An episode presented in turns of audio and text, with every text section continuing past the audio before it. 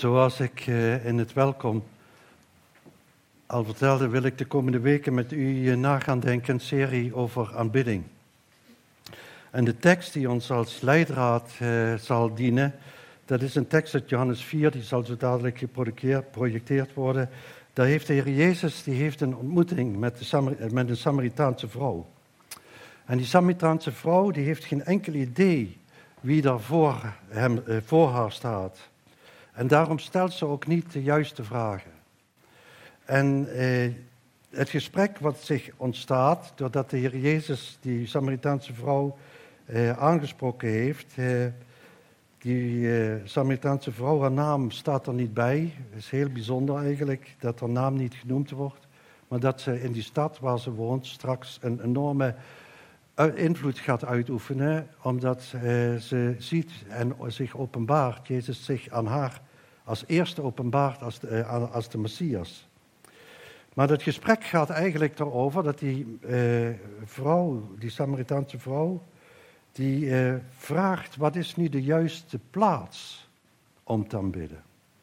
Wat is nu de juiste plaats om te aanbidden? Is dat nu de plek die wij als Samaritanen gekozen hebben om te aanbidden? Of is het de plek die de Joden hebben gekozen en dat is Jeruzalem? Wat is nu de juiste plaats om te aanbidden? En het antwoord van de Heer Jezus die komt op het volgende neer. Dat is niet de plaats die belangrijk is waar we aanbidden, maar wie en hoe we aanbidden. Hij zegt in Johannes 4, vers 23, laat de tekst maar zien, dat hij zegt tegen die uh, Samaritaanse vrouw, maar de tijd komt en is er nu dat de ware aanbidders de Vader zullen aanbidden in geest en waarheid, want de Vader zoekt wie hem zo aanbidden. God is geest en wie hem aanbidden, moeten hem aanbidden in geest en in waarheid. En aanbidden in geest is eigenlijk het tegenovergestelde van aanbidden op puur uiterlijke wijze. Aanbidden in geest komt erop neer dat je vanuit een nieuwe, vernieuwde innerlijke geestelijke mens, die een nieuwe schepping is, om de Heere God te naderen. Aanbidden in waarheid, wat de Heer Jezus zegt, is dat we een juist godsbeeld hebben. Dat we een juist godsbeeld hebben. Aanbidden kan daarom niet zonder het hart en niet zonder het hoofd. En wat ik daarmee bedoel, dat is dat het en het denken en het voelen raakt. Waarheid zonder een gevoel, dat heb je soms wel eens, dat mensen je een waarheid vertellen en eens flink van katoen geven. Dat eh, waarheid zonder gevoel, en zeker als het gaat over waarheid zonder het gevoel in aanbidding, is een religieuze houding en levert eigenlijk plichtgebeden op die wel recht doen aan waarheid, maar niet spreken van een liefdesrelatie. En het gevoel zonder waarheid leidt tot een totaal overdreven gedrag. En tot een grote oppervlakkigheid. En wat God zoekt, is ware aanbidders die voortkomt. Die aanbidding die komt voort uit een juist beeld. Dat het, echt een juist beeld is dat we over God hebben. Dat het in waarheid verankerd is.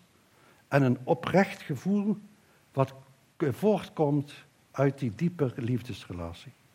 En daar wil ik met jullie over nadenken. Ik wil je graag bidden en dan jullie zo samen over deze hele diepe waarheid en ja, het essentie eigenlijk van het christen zijn zo raakt. Vader, we zien het als een groot voorrecht. Eigenlijk is het het doel van ons leven. Het echte doel van ons leven is dat we naar het beeld van uw Zoon Jezus Christus geschapen en gevormd zijn, opnieuw, eh, opnieuw gevormd worden, opnieuw zeg maar, eh, in die nieuwe geboorte ontvangen. En dat we in die gelijkvormigheid met uw zoon u mogen naderen, omdat u alle onreinheid, alle onheiligheid, alles wat ons belemmert om in die diepe relatie met u te zijn, dat u dat heeft gekruisigd ons heeft vergeven en dat we verzoend zijn en dat we u kunnen naderen met grote vrijmoedigheid. En dat is het doel wat, waarom u ons geschapen heeft. Om u te naderen en u te aanbidden. En we mogen dat nu al doen. Soms in de onvermaaktheid, soms in onze, eh, onze gebrokenheid. Maar dat is het doel van ons leven. Aanbidding van u, Yahweh, Elohim. De verbondsgod. De God van Abraham, Isaac en Jacob. De Vader. Onze Vader. En we willen u bidden dat u ons deze serie en ook vanmorgen echt diep wilt raken in ons hart. Zodat we echt ons daarna uitstrekken in de naam van uw Zoon Jezus Christus. Amen. Als we over aanbidding nadenken, dan is eigenlijk iedereen daarvan een beetje van overtuigd dat het ook te maken heeft met ons uiterlijk handelen. Het woord wat in het Oude Testament voor aanbidding gebruikt wordt, dat betekent neerbuigen, je neerwerpen. En vormen en uitingen van aanbidding, dat is buigen, je handen opheffen, knielen, je neerwerpen, bidden, zingen. Ik zie, uh, er is een prachtig boek door uh, John Piper geschreven over preken als een vorm van aanbidding. En het ergste is eigenlijk dat je deze uitingen, dat je dit tevergeefs kunt gaan doen, zodat die aanbidding nutteloos en leeg is. In Matthäus 15, vers 8 en 9, daar zegt de Heer Jezus, laat de tekst maar zien. Dit volk nadert tot mij met hun mond en eert mij met de lippen, maar hun hart houdt zich ver bij mij vandaan.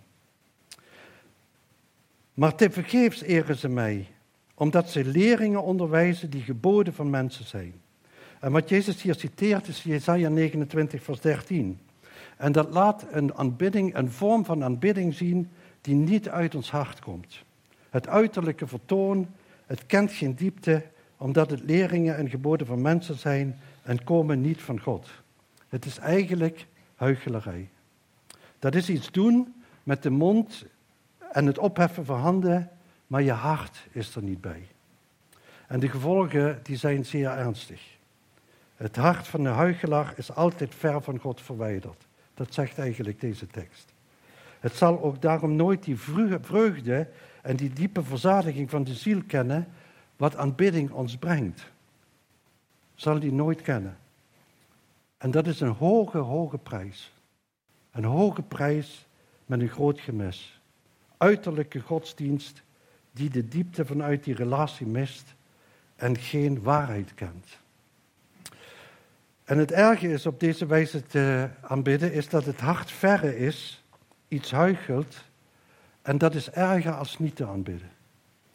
Dat is namelijk als iemand iets huichelt, dan veinst hij iets en onthoudt zich daarbij van dat hij kan groeien en doet zichzelf iets voor alsof hij iets heeft wat hij niet heeft.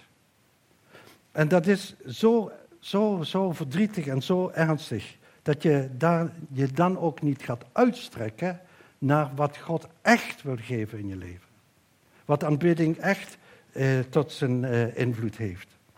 En die aanbidding waarbij het hart verre van God verwijderd is, weerspiegelt ook niet zijn majesteit, zijn heerlijkheid en aanbidding is namelijk iets dat, wat God, dat, uh, dat, in, dat Gods heerlijkheid uh, weerspiegelt. Ik moest toen denken dat die echte aanbidding, die breng je in waarheid en daarin maak je God groot. In de zin van, we kunnen God niet groot maken, maar in die zin dat je nadert en Hem prijst, dat je Hem, uh, zeg maar, eert en eh, om u een voorbeeld te geven, een diepe aanbidding is bijvoorbeeld Psalm 96, vers 6 tot en met 8. Daar staat de majesteit en de glorie zijn voor zijn aangezicht. Macht en luister in zijn heiligdom. Geef de Heere, geslachten van de volken, Geef de Heere eer en macht. Geef de eer, de eer van zijn naam. Breng offers en kom in zijn voorhoven. Deze aanbidding, wat je hier ziet, weerspiegelt wie God is. Zijn glorie, zijn majesteit, zijn macht en zijn luister wordt bezongen. Een oproep in deze prachtige psalm wordt verder gedaan in vers 11 en 12, staat niet op sheet, maar dat is dat de schepping zich verblijdt. Er staat dat de aarde zich verheugt, dat de zee buldert, het veld opspringt, de vreugde en de bomen van het woud vrolijk zingen. Het is een oproep tot een lofzang op God gericht om zijn glorie en zijn majesteit en zijn heerlijkheid te bezingen, te verwoorden en dat voor zijn aangezicht te brengen. Dat is prachtig. Het hart is daarbij betrokken. Vanmorgen in de bidstond uh, las Patricia een prachtige tekst voor uit 1 Samuel, waar de Heere God, wat me daarvan bij is gebleven, is dat de Heere God ons hart zoekt. Hij zoekt ons hart. Wat betekent dat? Wat is het Bijbelse hart? Ik zal er misschien eens ooit een uitvoerige preek over houden, wat nu het Bijbelse hart is. Maar het Bijbelse hart, dat is ons denken, onze emoties en onze wil.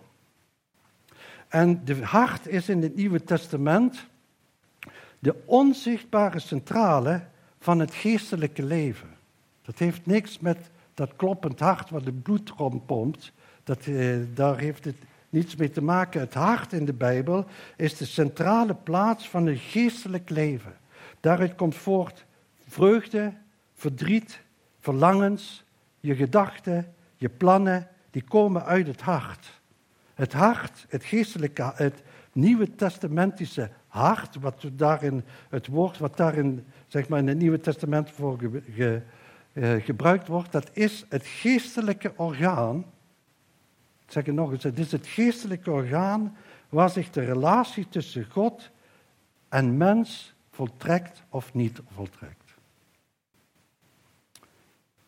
Het is dus het geestelijke eh, orgaan wat zich, waarin zich die relatie tussen God en mens ontvouwt. Daar is die relatie. En dan zie je eigenlijk dat bijvoorbeeld in Handelingen 16, vers 14, daar staat: God opent het hart van Lydia. Laat maar zien die tekst. God opent het hart van Lydia. Of er staat: Gods woord wordt in de harten gezaaid. Of op eerste Pinksterdag, als Petrus Jezus verkondigt, dan worden de toehoorders diep in hun hart getroffen en vragen: wat moeten we doen? Of het is het hart waarin men gelooft tot gerechtigheid. Het hart. En dan zie je dat Spreuken 4, vers 23, daar staat: Bescherm je hart boven alles wat te behoeden is, want daaruit zijn de uitingen van het leven. Bescherm je hart boven alles wat te behoeden is. Want daaruit zijn de uitingen van het leven. Als je je hart beschermt, dan bescherm je je emoties. Dan bescherm je je gedachten. Dan bescherm je je plannen. Alles wat eruit voortkomt, dat is zeg maar de uitingen van het leven. Er staat in een andere vertaling, staat de oorsprong van het leven. En dat bewaart het centrum van je innerlijk leven wil dat eigenlijk zeggen. Bewaar het centrum van je innerlijk leven wat op God gericht is. En van daaruit denk je, voel je en kies je. En dat betekent eigenlijk dat als we het hart verre van Christus afhouden in die aanbidding, dan zie je eigenlijk dat er niet vanuit die relatie en ook niet vanuit waarheid hem wordt ontbeden. We kunnen dus ons hart ver van God vandaan houden en toch op uiterlijk vertoon op zondagmorgen de handen opheffen en hem naderen. En dat bedroeft God. Matthäus 3, vers, eh, vers 5, er staat dat de Heer Jezus bedroefd is over het volk, omdat ze hun hart verhard hebben. En als we ons hart verre houden, dan is er geen ware aanbidding.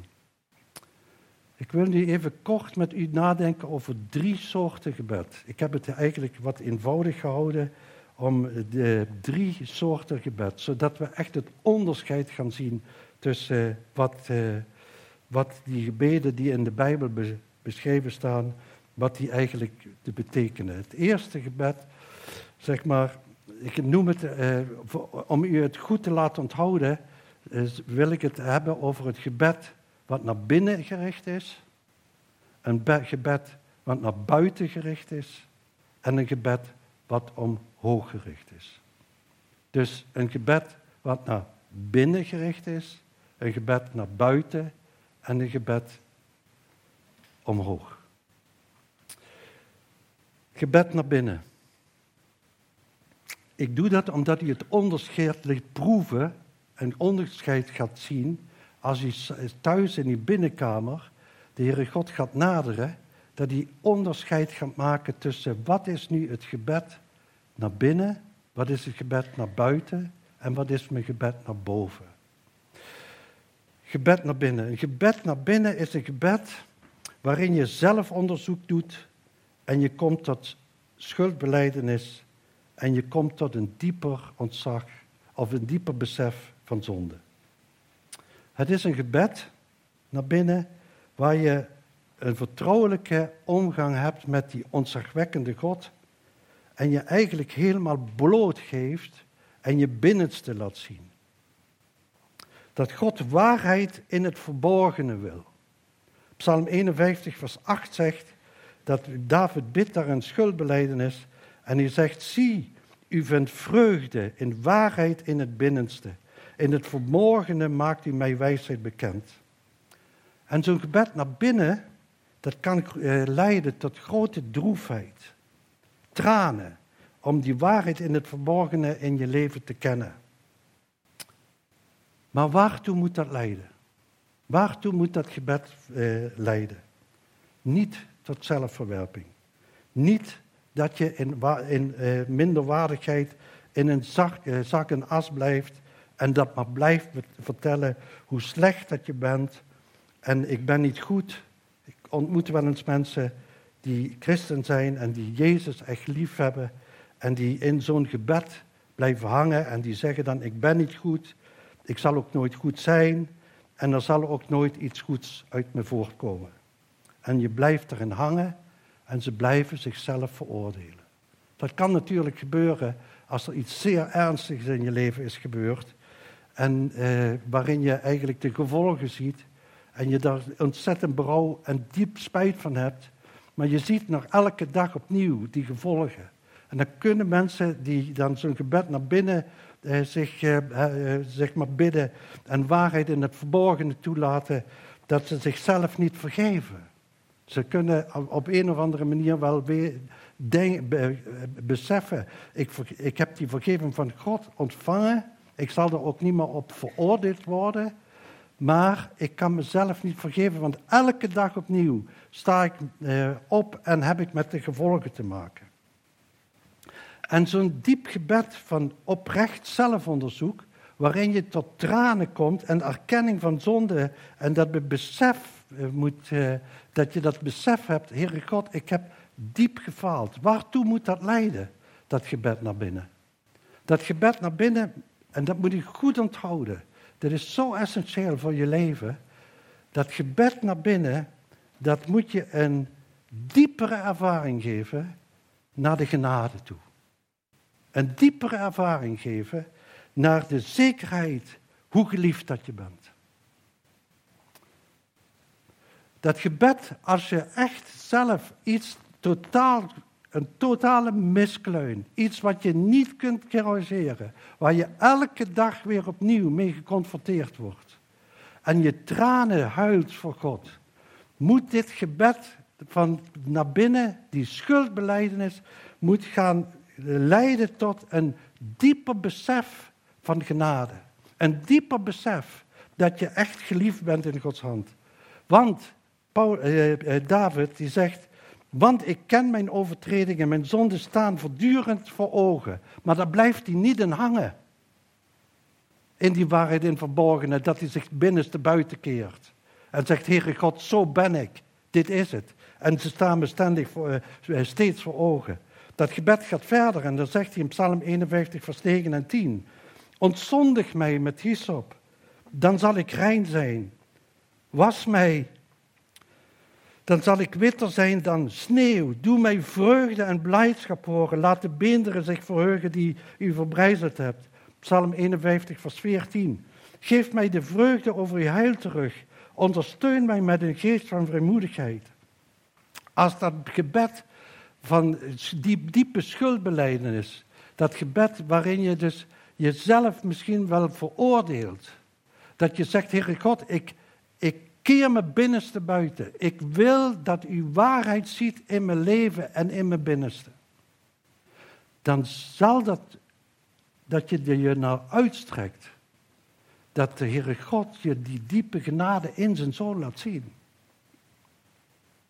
En dat hij die vreugde die je dan zelf ontneemt, dat je die weer gaat terugkrijgen. Dat je de Heere God zegt, o Heere God, ik kijk naar binnen, maar het doel is eigenlijk dat hij me die schuld laat zien. Dat hij zegt, die is bij je weggenomen. Dat is genade. Dat is vreugde. Laat je niet in die vreugde, laat die vreugde niet, de, laat me doen met die vreugde en blijdschap horen. Laat me de beenderen zich verheugen die u verbrijzeld hebt. Het is een gebed waarin je je hart toont, waar je binnenste naar buiten keert en diep van binnen God laat kijken. En het doel is, nogmaals benadrukt, dat er een diepere ervaring in je leven komt. Dat God die genade laat zien en dat God zijn liefde je verzekert.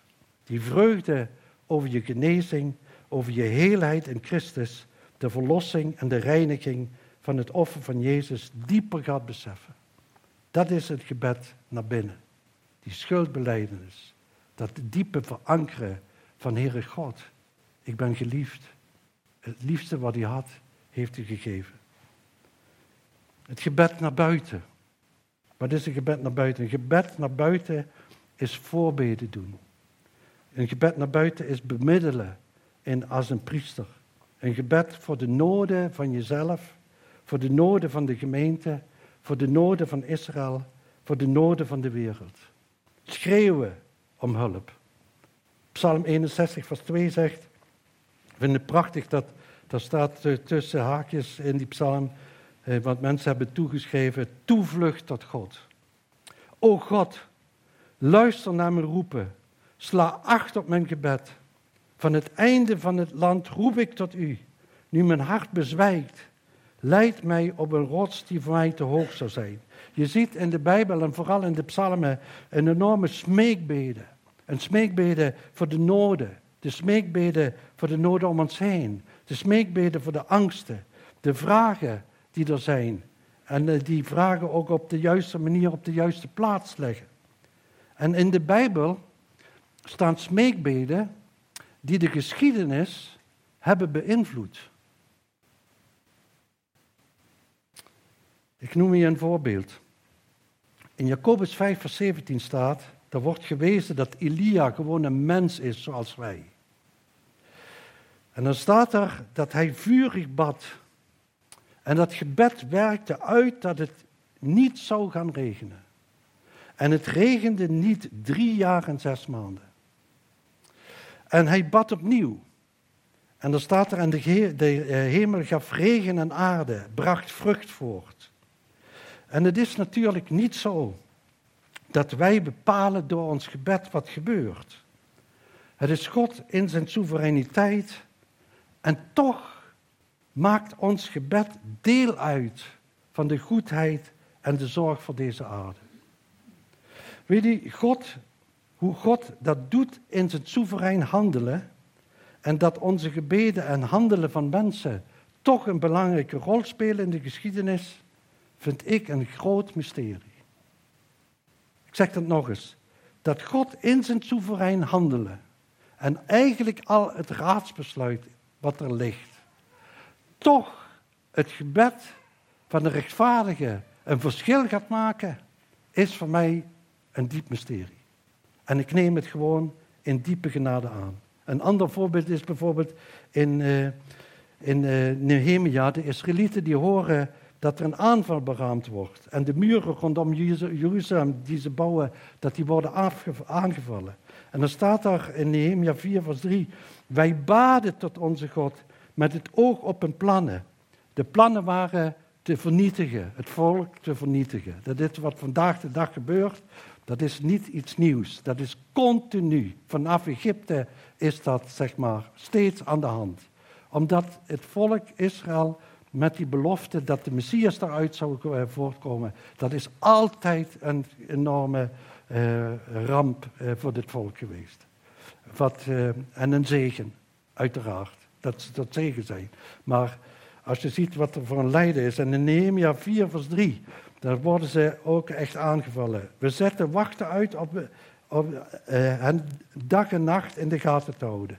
Hier zie je eigenlijk een combinatie van het diep afhankelijk zijn van bidden en zeggen we moeten van God helpen we hebben. En aan de andere kant ook daarna handelen. En dat doet er dus toe dat we God nader en smeken. En weet je, er is een gevaar als je ervan overtuigd bent dat God alles leidt en het, het er niet toe doet, dat alles al van tevoren is vastgelegd, dan leidt het tot moedeloosheid en passiviteit. Maar het inzicht dat er een gebed, zeg maar, naar buiten, dat dat invloed heeft en de noden die er zijn invloed heeft, dat dat God bereikt. En aan de andere kant merk je ook soms wel eens dat God alles doet wat we bidden. En dat hij zomaar zijn plan verandert. En, en daarvan zou ik heel angstig worden. Daarvan zou ik heel angstig worden. Want ik weet van mezelf dat ik niet altijd dat vraag wat ik nodig heb. En ook niet vraag wat mij echt zegent. Dus aan de andere kant is er zeg maar dat evenwicht tussen dat je beseft van een gebed naar buiten en de noden bij God te brengen en broeders en zusters bij God te brengen. Dat is aan de ene kant dat je zegt, Heere God, ik zie dat de geschiedenis veranderd is door mensen die op de bres hebben gestaan. Er zijn opwekkingen gebeurd waar mensen op de bres gingen staan. En God het gebed beantwoordde. En aan de andere kant is het niet zo dat alles wat we bidden en niet in het raadsbesluit van God is, dat God soeverein is. En ik zeg nogmaals, het is voor mij een mysterie hoe dat bij elkaar komt. En ik snap het niet, omdat de gedachten van God veel hoger zijn dan onze gedachten. Maar ik kan het gewoon alleen maar omarmen. Dat het zo is dat God soeverein is en dat onze gebeden die daarbij, eh, die, daarbij passen. Uiteindelijk weten we dat Gods goede plannen voor ons niet in de, in de weg staan. Ook niet voor Israël. Dat is een prachtige tekst die een belofte is voor Israël en die we ook op onszelf mogen toepassen. Ik immers ken de gedachten die ik over u koester. Spreekt de Heer. Het zijn gedachten van vrede en niet van kwaad. Namelijk om u een toekomst en hoop te geven.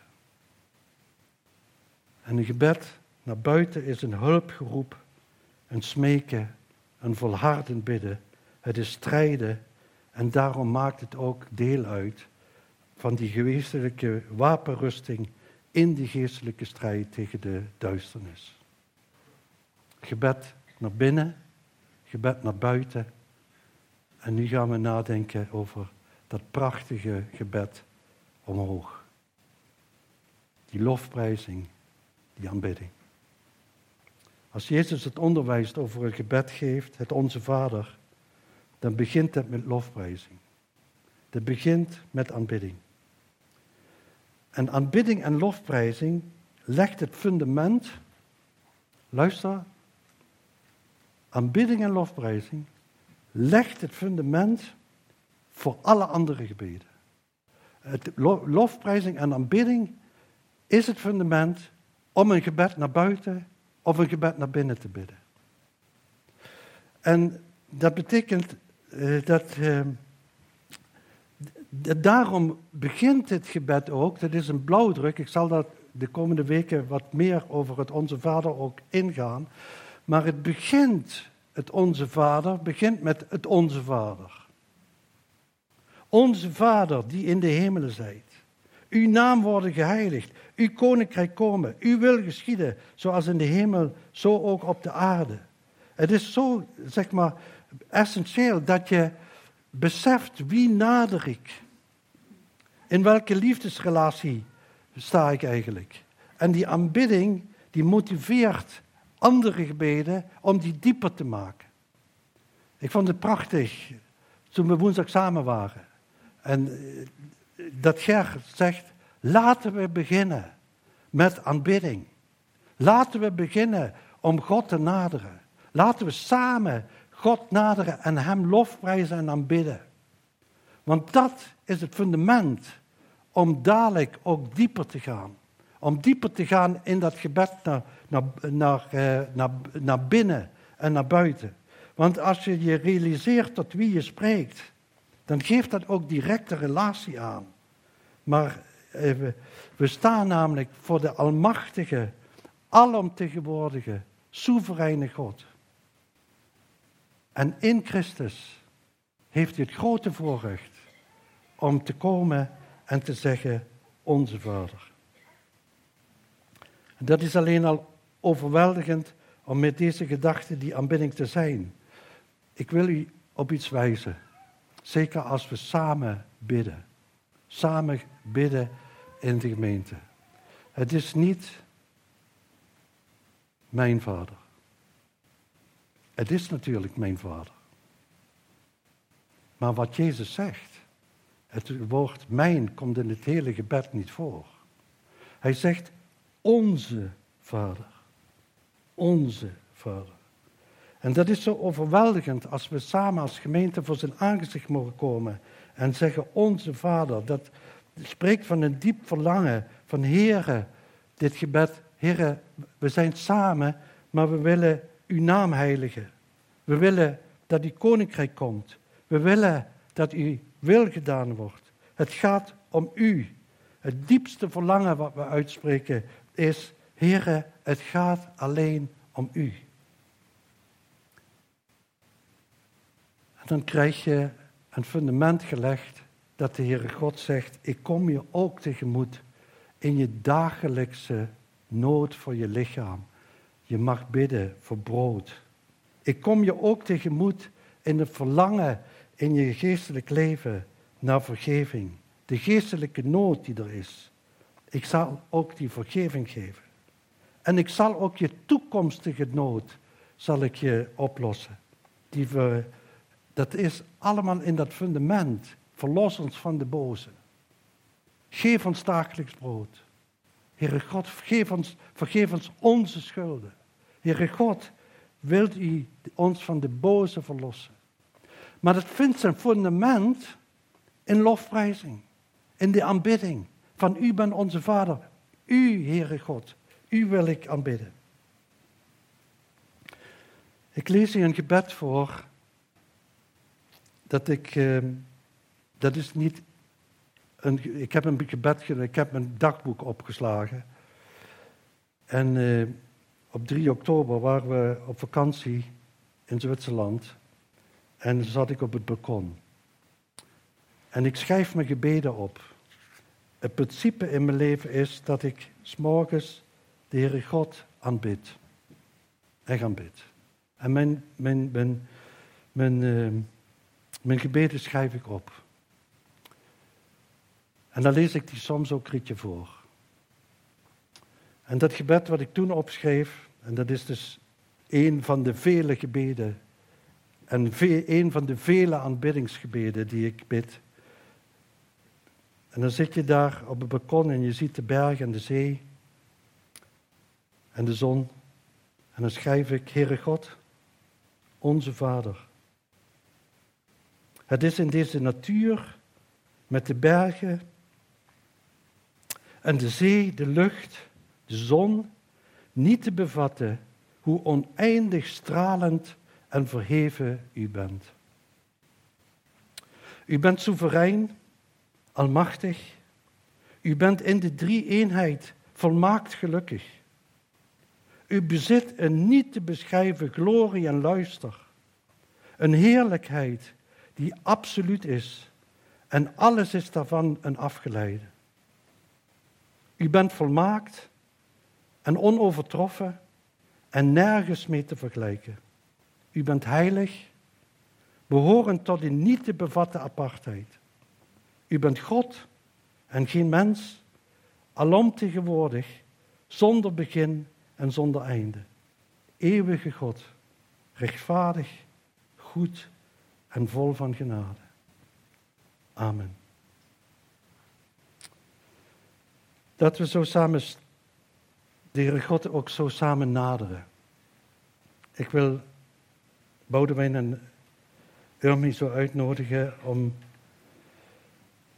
al te spelen, dat prachtige lied.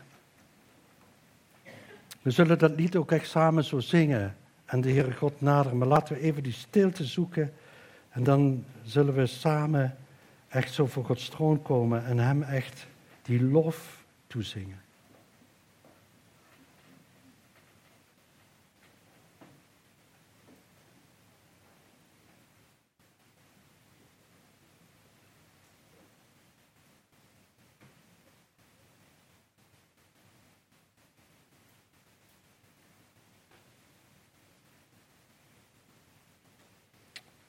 Laten we zo gaan staan.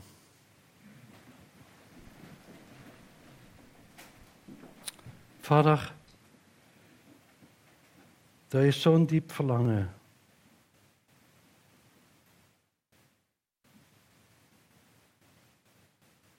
Dat we u gaan en echt aanbidden. In waarheid en geest. U zoekt ernaar. En als u zoekt, dan is het niet algemeen. Het is niet dat u het veel vindt. Datgene wat u echt behaagt. U moet er naar zoeken. U, de alomtegenwoordige, almachtige, alwetende Heer, moet zoeken. En we bidden dat u dit hier in deze gemeente in veelvoud zult vinden. Dat we ons dan naar uitstrekken om u echt te aanbidden in die waarheid, gefundeerd wie u bent. En in geest van een wederom geboren mens. En dat we als broers en zussen ons dan naar willen uitstrekken. Om samen die, die diepe ervaring te kennen van samen te bidden. Onze Vader. Onze Vader. En daar hunkeren we naar. Daar willen we ons naar uitstrekken. Dit bidden we u. Laten we zo dat lied zingen. Gebaseerd op Psalm 95. Kom, laten we ons neerbuigen en neerbukken. Laten we knielen voor de Heer die ons gemaakt heeft. Want Hij, Hij is onze God. En wij zijn het volk van zijn weide en de schapen van zijn hand.